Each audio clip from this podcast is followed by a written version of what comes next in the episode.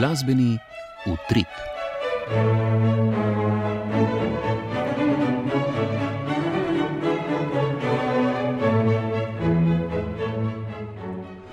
Drage poslušalke, cenjeni poslušalci, lepo pozdravljeni.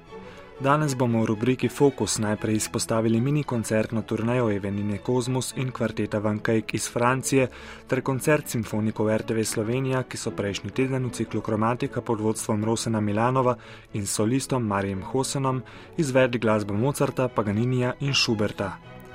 Nekaj minut poglobljenega razmisleka bomo namenili tudi v koncu festivala Forum Nove glasbe. V nadaljevanju bomo predstavili še nedeljski peti koncert cikla Sibras v slovenski filharmoniji je navdušil kvintet Kontrast in spregovorili nekaj besed z Makom Grgičem, čigar album je bil nominiran za Gremija. Ob koncu seveda ne prezrite še pregleda najpomembnejših dogodkov iz sveta klasične oziroma umetnostne glasbe, ki se bodo zvrstili v prihodnjih dneh. Najprej pa, kot rečeno, poudarjamo sodelovanje flautistke Evenine Kozmus in kvarteta Van Cake, ki sta prejšnji teden s koncertom v Mariboru zaokrožila njih streh koncertov komorne glasbe.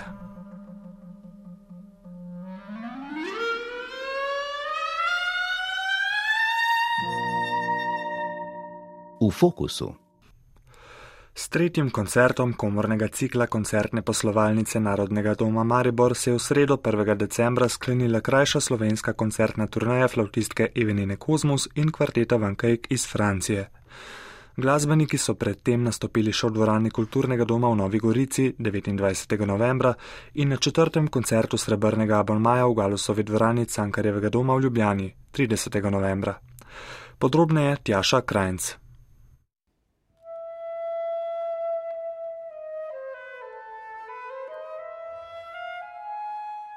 S francoskim godalnim kvartetom Van Cake je nastopila uveljavljena flautistka Evanina Kozmus iz Žalca, ki je edina slovenska zmagovalka tekmovanja Evrovizijski mladi glasbenik, na katerem je zmagala leta 2010 na Dunaju. S 16 leti je končala konservatorij za glasbo in balet v Ljubljani. Leta 2010 je bila sprejeta na Visoki narodni glasbeni konservatorij v Lyonu, kjer je leta 2013 diplomirala, dve leti pozneje pa magistrirala na temo Aleksandrove tehnike. Evanina Kozmos sodeluje z več slovenskimi in tujimi skladatelji, njihova dela je tudi prva izvedla. Slovenskimi orkestri je izvedla šest koncertov različnih skladateljev, samostojnimi koncerti pa se je predstavila v številnih evropskih državah, v Rusiji in v Združenih državah Amerike. Redno je igral v orkestru Uperne hiše v Limožu in nastopa v komornem ansamblu Esperanca. Kot ljubiteljica komornega muziciranja nastopa v različnih mednarodnih komornih zasedbah. Evanina Kozmos. Meni osebno je v komornem izvajanju najbolj blizu prav ta osebna vez z ljudmi. Ko se res nekaj čist posebnega v bistvu ustvari, tudi taka čisto osebna človeška vez med nami, eh, prijateljstvo. In se mi zdi, da je to tisto, kar je najpomembnejše v komorni glasbi. Najpomembnejše je to, da z nekom res rad ustvarjaš in da se z nekom tudi dobro razumeš, ne? ker konec koncev je to res ena prijateljska komunikacija kar je tudi med orkestrom in solistom, ampak ne na isti način. Ne. Je že to bolj osebno, ker so manjše skupine. Tako da meni je to najbolj v bistvu dolga sodelovanja komunih skupin, tudi ustvarijo neko čist, čist drugo vzdušje in čist druge možnosti, ker skupaj rastemo in skupaj tudi napredujemo. Ne. So pa potem seveda tudi druga sodelovanja na kakih festivalih in kaj takega podobnega kjer pa imaš recimo določen projekt v glavi, ki bi ga rad izvedel, in potem seveda tudi iščeš ljudi, s katerimi bi rad to igral. Ali pa včasih si tudi čist presenečen in povabljen na kak festival, ki spoznaš nove ljudi. In, je, in so to vse zelo lepe izkušnje, no? zelo drugačne. Evanina Kozmus igra tudi z uveljavljenim francoskim godalnim kvartetom Van Cake, ki je osvojil več nagrad na mednarodnem tekmovanju godalnih kvartetov v londonski dvorani Vigmor ter prejel prvo nagrado in nagrado občinstva na mednarodnem festivalu komorne glasbe v Trondheimu. Godalci pa so bili dvakrat izbrani tudi kot glasbeniki nove generacije BBC in vzhajajoče zvezde Eho.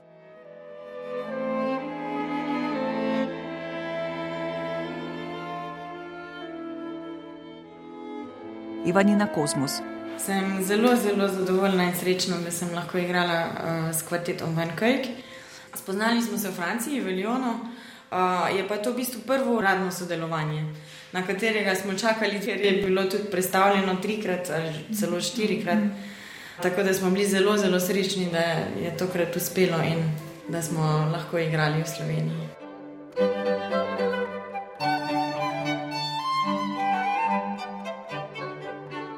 Flautistka Evanina Kozmus in godavci kvarteta Van Cake so izvedli pester spored del iz obdobja klasicizma, zgodnje romantike in zgodnjega 20. stoletja.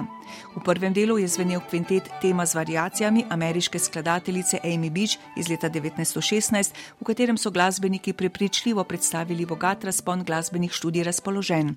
Z razvitim občutkom za jasno oblikovanje, pretanjene tonske podrobnosti in duhovit izraz so izvedli divertimento v Geduru Jozefa Hajdna z izrazito melodično močnostjo in virtuoznostjo kvartet za flavto in godalni trio številka ena v Deduru Wolfganga Amadeusa Mozarta.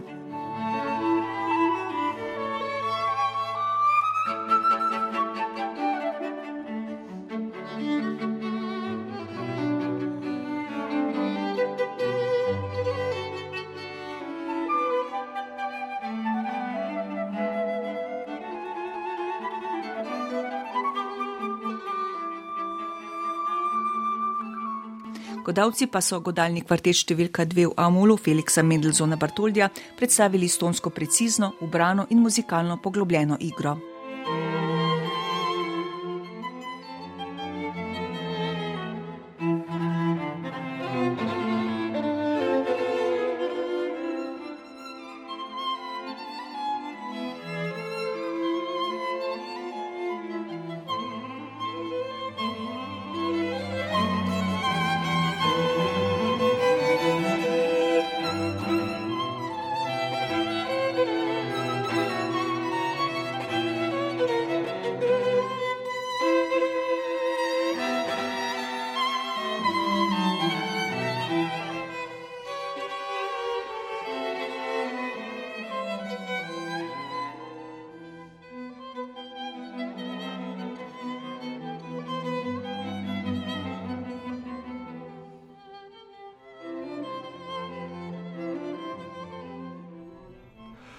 Zdaj pa v Galosovo dvorano Cankarevega doma v Ljubljani, kjer je v četrtek v sklopu Abonmaja Kromatika zadnjič letos nastopil simfonični orkester Radio Televizije Slovenija.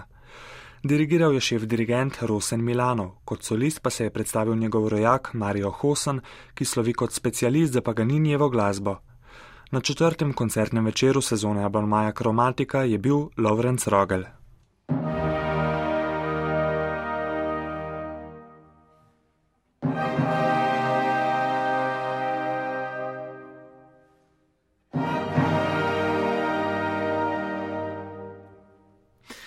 Spored dveh del, ki vsaka po svoje nakazujeta izhod iz razsvetljenske klasicistične urejenosti, na eni strani stopnjevana glasbeniška bravura, ki preostalo glasbo, torej orkesterski dodatek ali pa kar koncertantno obliko kot tako, obravnava kot svoj poligon, na drugi tehtanje možnosti simfonične forme in skladateljski ponotranjeni spopad z njo, polnokrvni vstop v romantiko, na začetku pa Mozart, torej izhodišče samo prignano do vrhunca. Uverturo v čarobno piščal so simfoniki naše radijske hiše izvedli izjemno, spremljali smo v kontrast usmerjeno obravnavo gradiva in polnost orkesterskega, sploh godalskega zvena. Natančno in preudarno je orkester izvedel tiste majhne poudarke, ki skačejo ven iz tekočega alegra, muzikantski elan pa pri tem ni preskočil v kričeče in zamegljiv kontrapunktskih nijans, ravno nasprotno razstavil je vso igrivost notranjih glasov in nastavljal avtorjev solistične intervencije.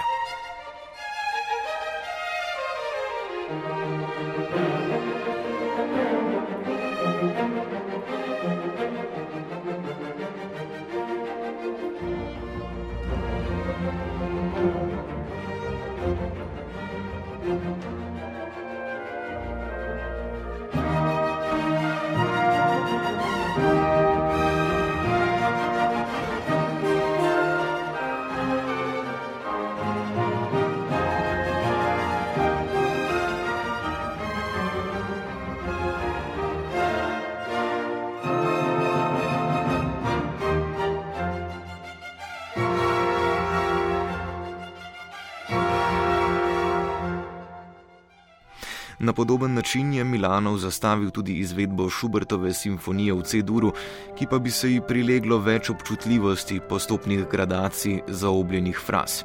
Če bi v razbrazdanosti uvodnega stavka še lahko našli svojstven čar in je drugi stavek uvodoma prinesel nekaj tehtnejših interpretacijskih vzgibov in povdarkov, smo kmalo odstavali v stalnem metričnem utripanju in dinamičnem razburjanju, ki ni seglo dlje od površja.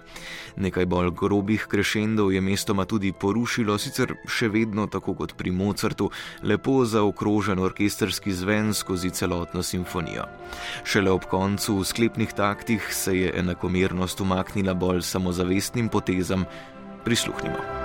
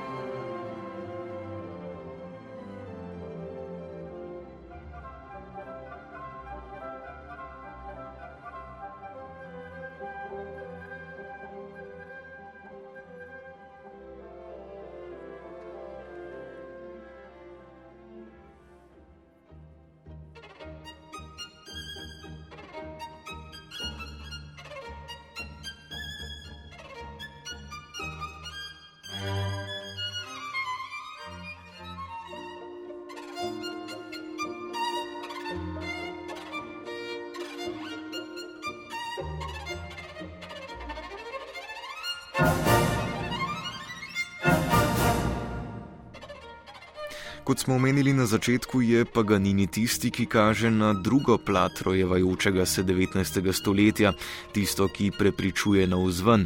In ravno to je ne na zadnje mik te glasbe.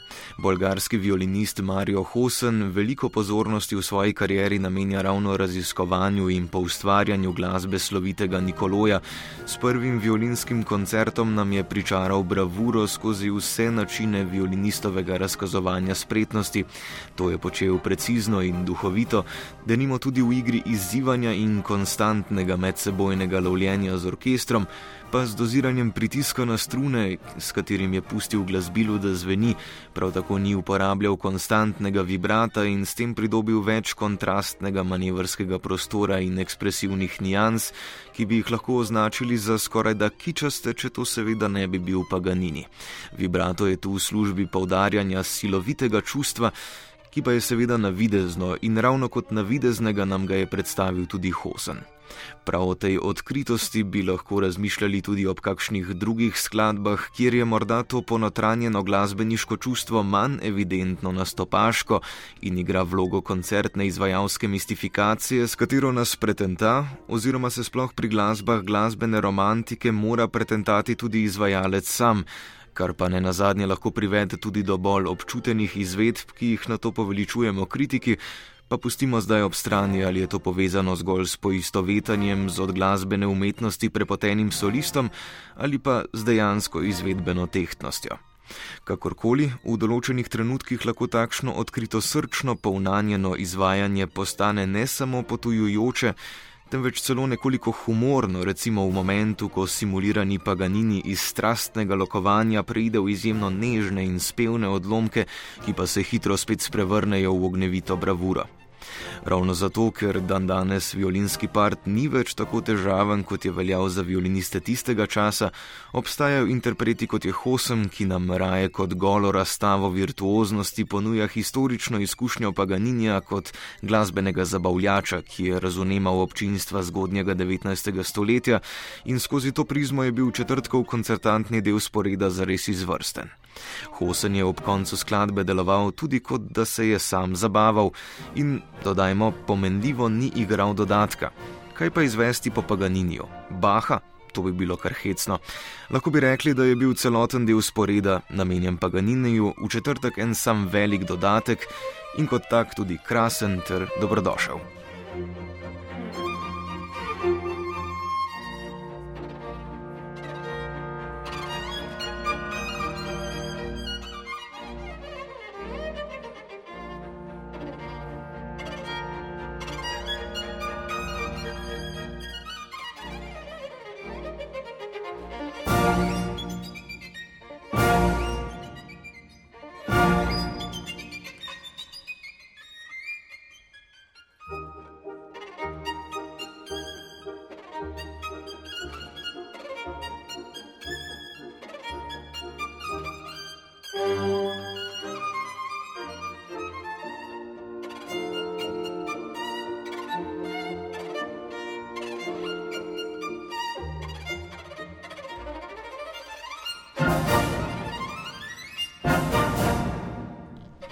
Simfonični orkester RTV Slovenija vas 18. decembra vabi na tradicionalni božični koncert, kromatika pa se z Wagnerjem in Rahmaninovom ter solistko Tatjano Ognjanovič po zimskem predahu vrača sredi februarja.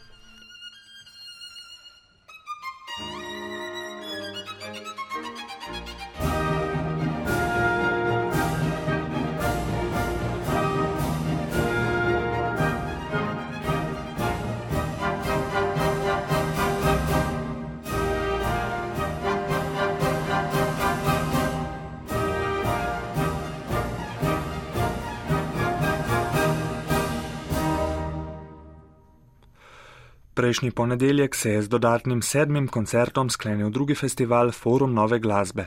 Festival, ki poskuša z gostujočim programskim oblikovalcem serijo koncertov, skladateljsko in muzikološko delavnico ter pogovori nadaljevati in hkrati širiti tradicijo jesenskih slovindovih festivalov. Primoš Tardan poroča z petega in šestega koncerta v stari mestni elektrarni, dveh večerov, ki sta najodločneje naslovila temo festivala: glasba in mediji.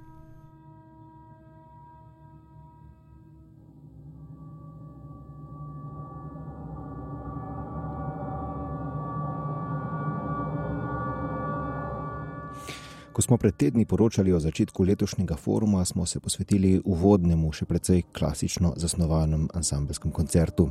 No, zaključna koncerta v stari mestni elektrarni in tudi dodatni večer z odpadlimi skladbami z prejšnjih programov v mini teatru pa so bolj razgrnili temo letošnje edicije, povezave med glasbo in mediji, med glasbilom, elektroniko, videom in tudi teatralnostjo.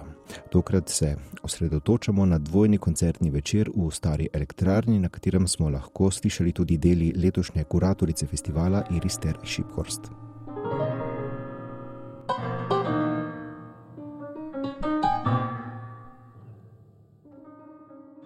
Kar uvodoma poudarimo, da je osrednji glasbeni gost teh dveh koncertov, pianist Kristof Grund, posredoval izjemno večino igranja nove glasbe. Je interpret s širokim repertoarjem, a se posveča zlasti novi glasbi, posebej delom za svoje glasbilo in elektroniko. Je interpret, ki povsem naravno, s posebno intuicijo preparira klavir, na njem uporablja druge sodobne klavirske tehnike. Je interpret s posebnim odnosom do glasbila in do zvoka zvočnikov in je interpret z redko veščino poslušanja. Nenehno prilagajanje elektroniki, zlasti neposem predvidljivim zvočnim pojavom, ki nastanejo z drobnimi mikrotonalnimi intervali, z dodatne klaviature in posegi v notranjost klavirja z malimi pretvorniki zvočnega nihanja, položenimi na strune, je v delu A3 Marka Andreja, napisanem prav za grunta, postajalo podobno intimnemu odnosu komorne glasbe.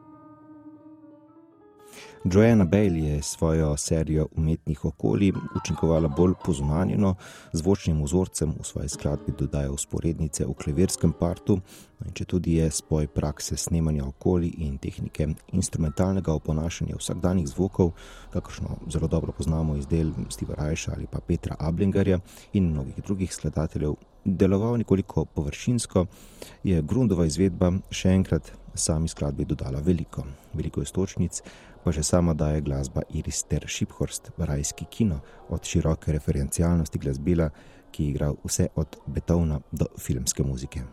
Skladateljično delo je nekoliko starejšega datuma, no pa vsem novo delo pa je ustvaril Tilen Lebar, ki je nadaljeval koncept svojega audiovizualnega koncertnega dogodka Limen, ki ga je poleti predstavil v zapuščenem kotu podhoda Ajdovščina v centru Ljubljane. Limen številka 2 za klavir in elektroniko se razvija skozi dolge bordune in repeticije, a že ko se zdi, da se bo tok skladbe razvodenil v predvidljivih nanosih in podvajanjih materijala, skladatelj napravi nekaj pomembnih strukturnih rezov in tako na koncu ostane vtis res poglobljenega prisluha v zven klavirja in v skladateljev zvočni svet.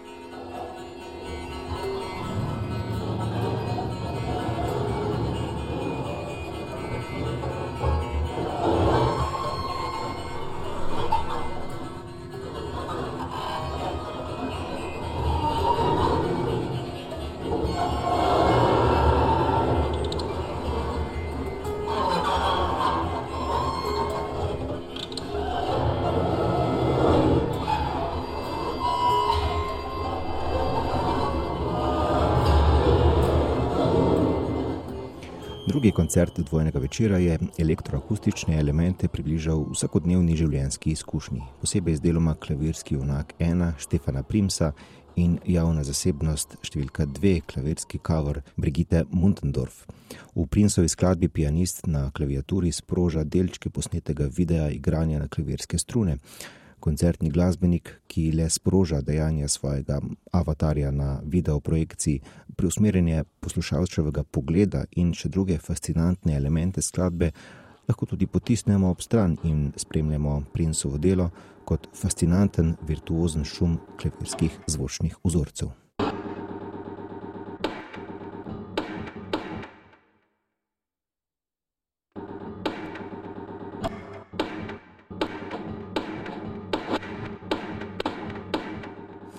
Delo Muntendorf je manj zvočno uznemirljivo, pianista za MIDI klaviaturo sooči z videi youtuberjev, glasbenikov in to gre res za součinkovanje zvoka in videov.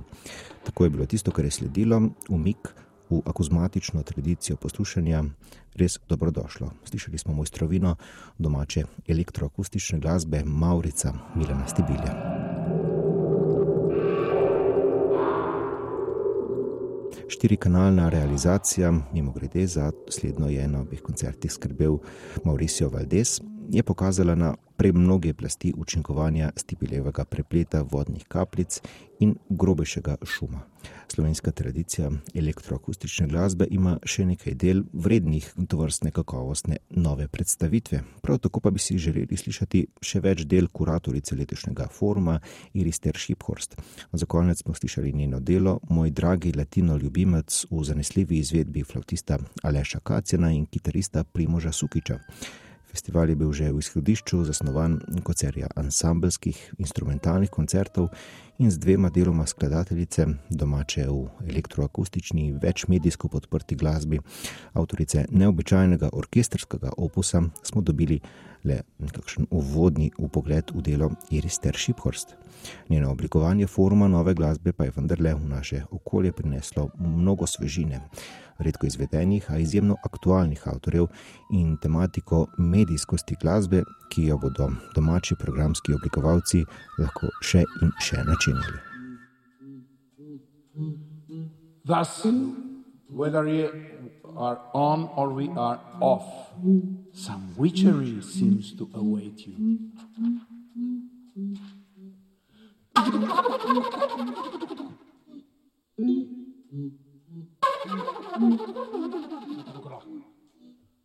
To love you is pleasant enough, but oh, it is delicious to hate you.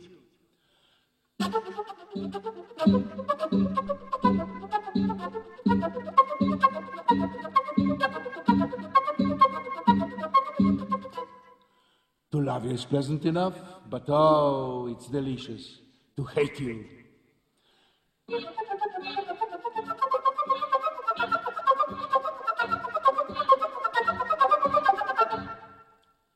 To love you is pleasant enough, but how it's delicious to hate you.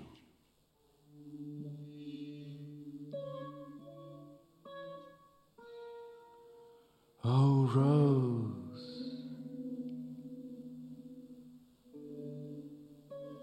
Thou art sick, the invisible worm. Na programu Ars se bomo še vračali k formu nove glasbe v decembrskih in januarskih oddajah Arsov Art Atelier. Prvi koncert festivala z deli Janisa Ksenakisa, Uroša Rojka in Rolfa Rima lahko slišite že v ateljeju ta teden. Zdaj pa v Slovensko filharmonijo, kjer je v nedeljo dopoledne potekal predzadnji peti koncert letošnje sezone cikla Sea Brass. Po uspešnem koncertu nove generacije pred dobrima dvema tednoma so v dvorani Marjana Kozine tokrat nastopili člani kvinteta Kontrast in z nastopom navdušili. Izvedli so trobilni kvintet številka 3 Viktorja Evalda, novost Tilna Slakana in skladbo Do You Know Emperor Joe Wernerja Pirchnerja. Koncert sem obiskal Mihajl Kozjek.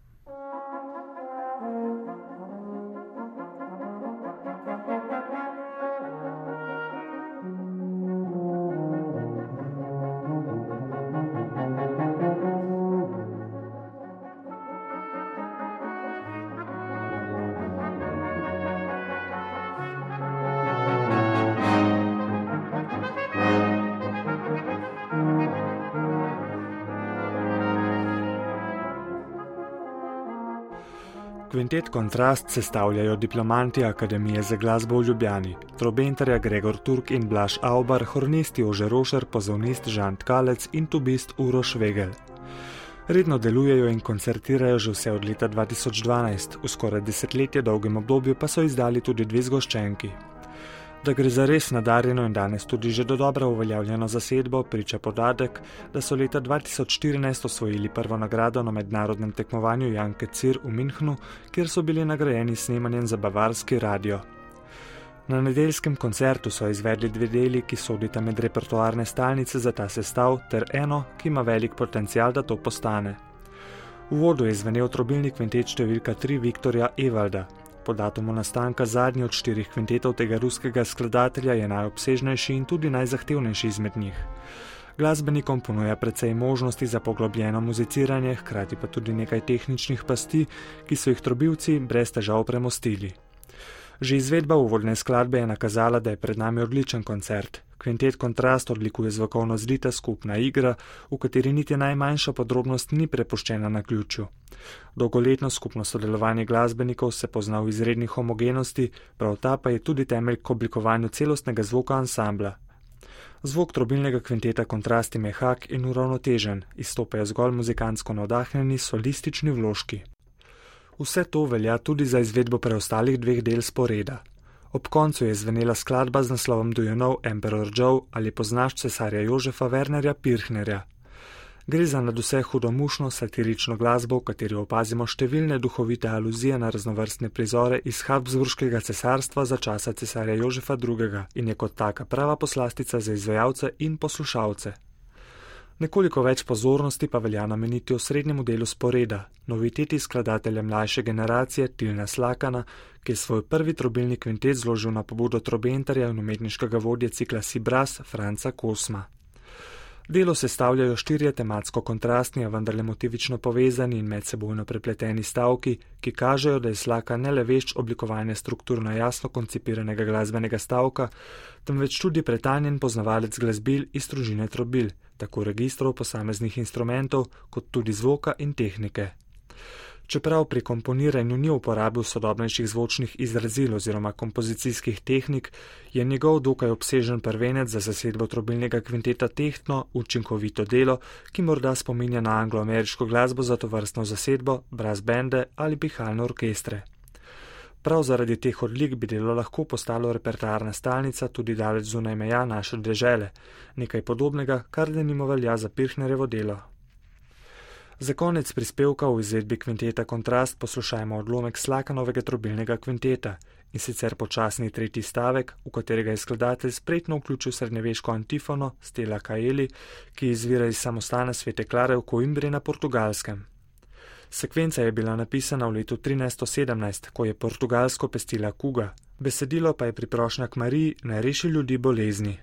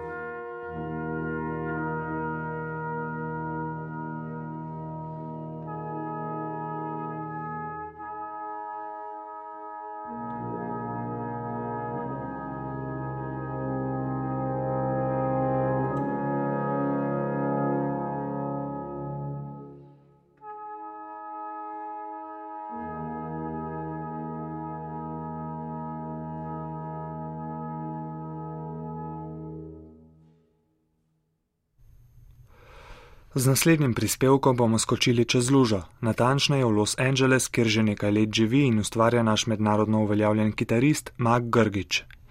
Nastopa po vsem svetu, redno ga seveda srečujemo tudi na slovenskih koncertnih odrih, njegovemu igranju pa lahko prisluhnemo tudi prek posnetkov, saj je izšla že vrsta zgoščenk, pri katerih je sodeloval ali jih posnel solistično. Zadnji z naslovom Mac Bach je izšel v zadnjem letu in je bil pred kratkim nominiran za prestižno nagrado Grammy v kategoriji najboljši klasični instrumentalni solo. Ob tej nominaciji se je z Makom Grgičem pogovarjala Vesna Vauk.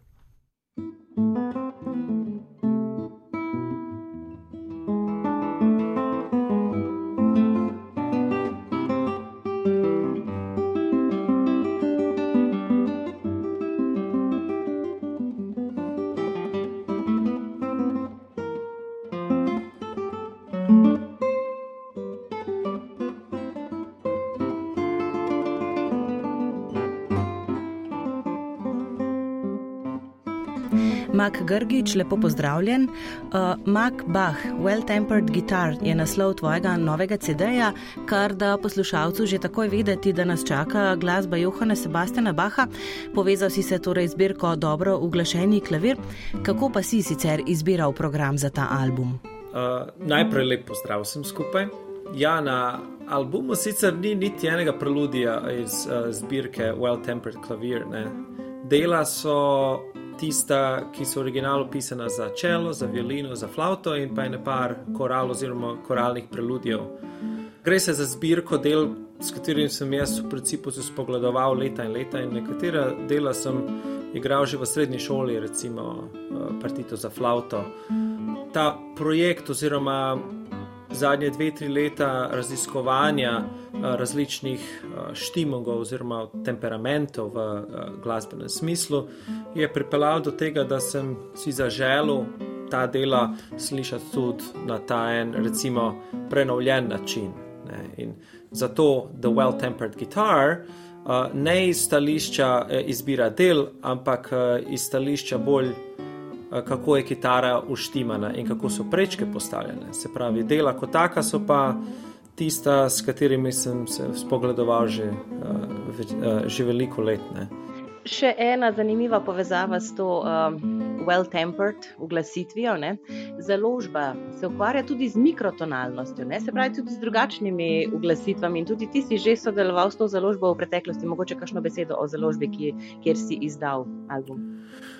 Tako, Microfast Records uh, je založba mikrotonalnega guruja, ki uh, živi tu v Los Angelesu, John Schneider, večkrat nagrajeni, nominirani za Gremijem, nagrajeni, nominirani uh, glasbenik in producent. Uh, z njim sem sodeloval uh, že veliko krat v zadnjih desetih letih. Uh, Bodi si recimo skozi novo glasbo, ki je mikrotonalnega značaja, ali pa skozi raziskovanje uh, stare glasbe, ki ima različne oglasitve, ne, od pitagorejskega sistema do quarter comma minton, pa do uh, well-tempered sistema, ki ga, je, ki ga lahko slišimo na tem albumu. Uh, bah, torej. Flauta, violončelo, um, violina in zdaj vse to ti izvajaš na kitaro, seveda, vse so to priredbe. Kdo je pisal priredbe? So to tvoje priredbe? Uh, ja, mečka smo si razdelili, ne, uh, mogoče ne hote, ne, jaz sem nekatere uh, aranžmaje poiskal, druge sem dodelal sam. Uh, šesta čelo uh, suita je, uh, je moj aranžma, protoko uh, sonata za violino številka ena. Potem partita za flauto je aranžirana strani mojega bivšega profesorja iz Zagreba, Anteja Čaglja korali, oziroma koralni preludi, so pa aranžirani strani uh, Tilmana Hopštoka in pa še enega prijatelja, kompozitorja uh, Džengiza Erena iz Turčije. Kako dolg je proces, da prideš iz nič, torej iz izbire programa, kako dolgo se je to pacalo že v tvoji glavi, če se tako izrazim, pa potem, da zvadiš, da posnameš in da na koncu, recimo na tej točki, dobiš nominacijo za Gremija? Ja, ta album je eden daljših projektov, ki sem, uh, ki sem jih jaz delal v zadnjem času. Ponovadi, recimo, en, en album, en plošček, ne, traja recimo od samega koncepta do izdaje, kakšno leto. Ne. Ta projekt je pa sigurno. V izdelavi več kot dve leti, ne. se pravi, od mojega, mojega uh, inicialnega zanimanja, sploh za za well-tempered sistem, do aranžiranja glasbe same, do postavljanja strukture prečk, valjda vežbanja, potem snemanja, editiranja in tako naprej. Se pravi, ta proces je bil kar dolg ne, in z, z ene strani mečkam sem hvaležen za, to, za ta čas pandemije, ker se mi je uh, urnik potovanj toliko umiril, da sem lahko dejansko zaključil uh, s snemanjem in z editiranjem. Drugač bi se pa mogoče še kaj dlje vlekel. Um, no, to je en od mnogih albumov, ki si jih ti v bistvu že izdal, oziroma pod katere si se podpisal. Zanimivo pri vsem skupaj se mi zdi to, v kakšne žanre vse posegaš. Zelo širok nabor glasbe je ta, ki ga lahko slišimo v tvoji izvedbi. Kako se ta projekt, recimo Bach, umešča v, v tvojo ustvarjalnost? To je zdaj bil projekt neke starejše glasbe, kaj te čaka? Jaz bom rekel, da se pravi, če gledam za nazaj, kako se je recimo moja paleta zanimanja za raznoliko glasbo razvijala, bom rekel, da sem. Da zelo stopam tako v štric z vetrom, nekako kamor veter zapiha, tja se napotam in potem iščem dobro glasbo, iščem dober izraz. Ne. In je ta dober izraz je lahko prisoten v v sodobni glasbi, eh, v čisto tradicionalni glasbi, recimo v etnični glasbi eh, z naših balkanskih prostorov, eh, v glasbi Johana Sebastiana Baha na well-tempered kitari, ne? in pa recimo tudi v novo skladani glasbi, se pravi. Čisto moje originalne glasbe, ki posega pa mogoče celo mečken v New Age. Um, Eh, za časa pandemije sem se lotil uh, komponiranja, pač sem imel večkrat več časa in uh, ta album bo izdan naslednje leto uh, pri založbi Symphonic Distribution v Nashvillu pod naslovom Peaceful Guitar. Ne? In to je nekaj čist posebno drugačnega, kjer sem kitaro kot tako posnel najprej in potem sem v sodelovanju z razno raznimi glasbeniki, tudi recimo lokalnim Leonom Firštom, naredil v principu izbor take glasbe, ki je recimo mečkrat bolj poslušljiva. Uh, in tudi na ta projekt sem blazno uh, ponosen, ker je nekaj čist posebnega. Ne? No, to me recimo čaka za naslednje leto, za naprej se pa uh, menim za projekte originalne glasbe za, uh, za določene filme in dokumentarce tukaj v, v Kaliforniji. No, če se vrnemo zdaj k Gremijem, uh, si mogoče kaj poslušal konkurenco, ki tudi tekmuje, oziroma tekmuje, se poteguje za Gremija za najboljši solo v klasični glasbi? Mečkam sem poslušal, ampak eh, sej ne rabim poslušati, da bi vedel uh, za te. Uh, izvrstne glasbenike. Uh, z enim sem celo sodeloval, ker smo oba pri istem managementu, uh, In uh, ironija situacije je ta, da, da je tudi on, Augustin Hadelich, violinist, posnel album Johana Sebastiana Baha ne? in uh, oba sva v isti kategoriji pri istem managementu. Ne?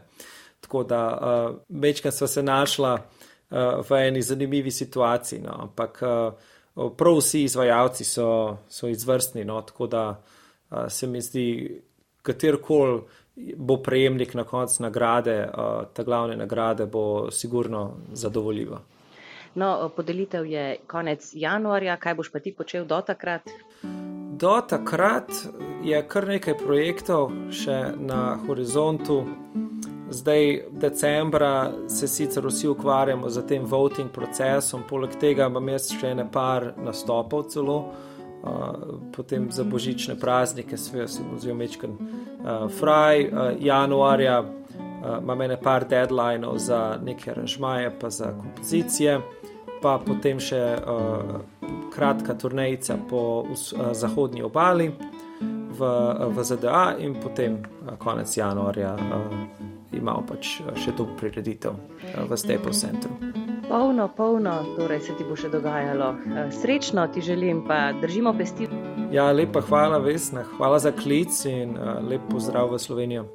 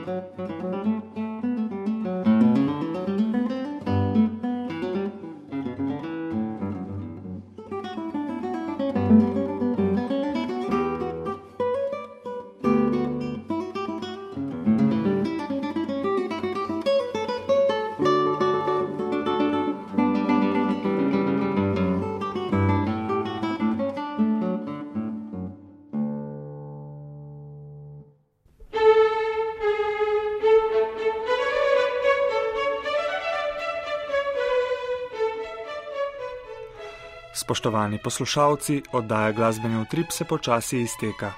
Sledi še krajši pregled izstopajočih glasbenih dogodkov prihodnje dni. Že nocoj se bodo zvrstili kar trije, vsi ob 19. uri in 30 minut.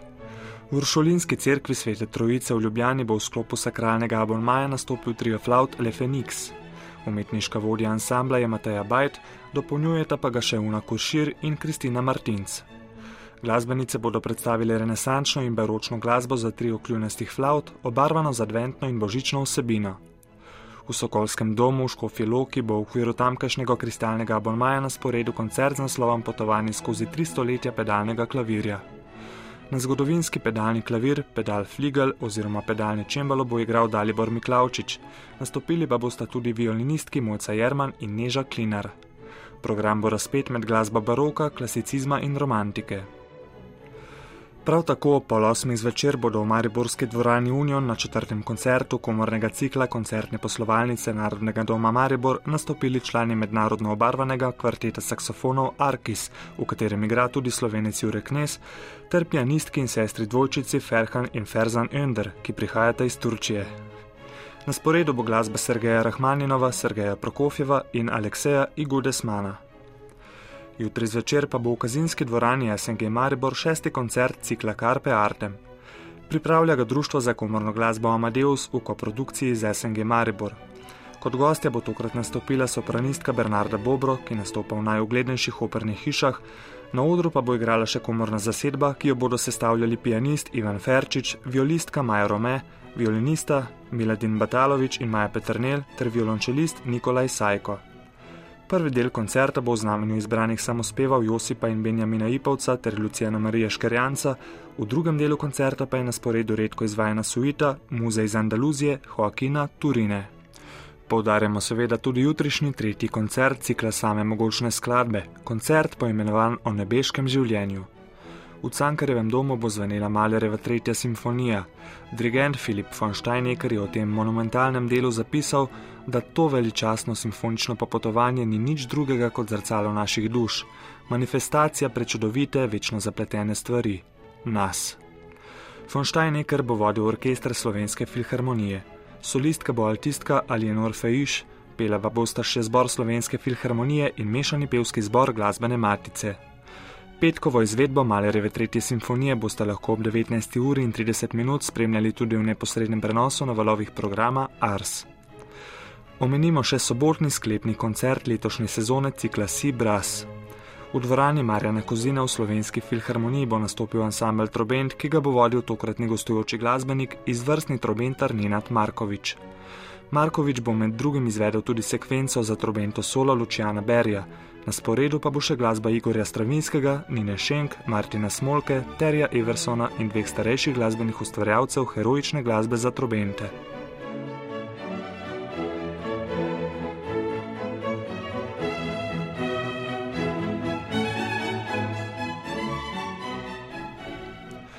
Tako, drage dame, cenjeni gospodje, oddaja glasbeni utrip je končana. Prispevke so pripravili sodelavci uredništva za resno glasbo: Tjaša Krajnc, Primoš Trdan, Lorenz Rogel in Vesna Vovk. Oddajo je posnel tonski mojster Vojko Frelih, vodil in uredil pa sem jo Mihajl Kozjek. V svojo družbo vas bomo znova povabili prihodnjo sredo, do takrat pa srečno.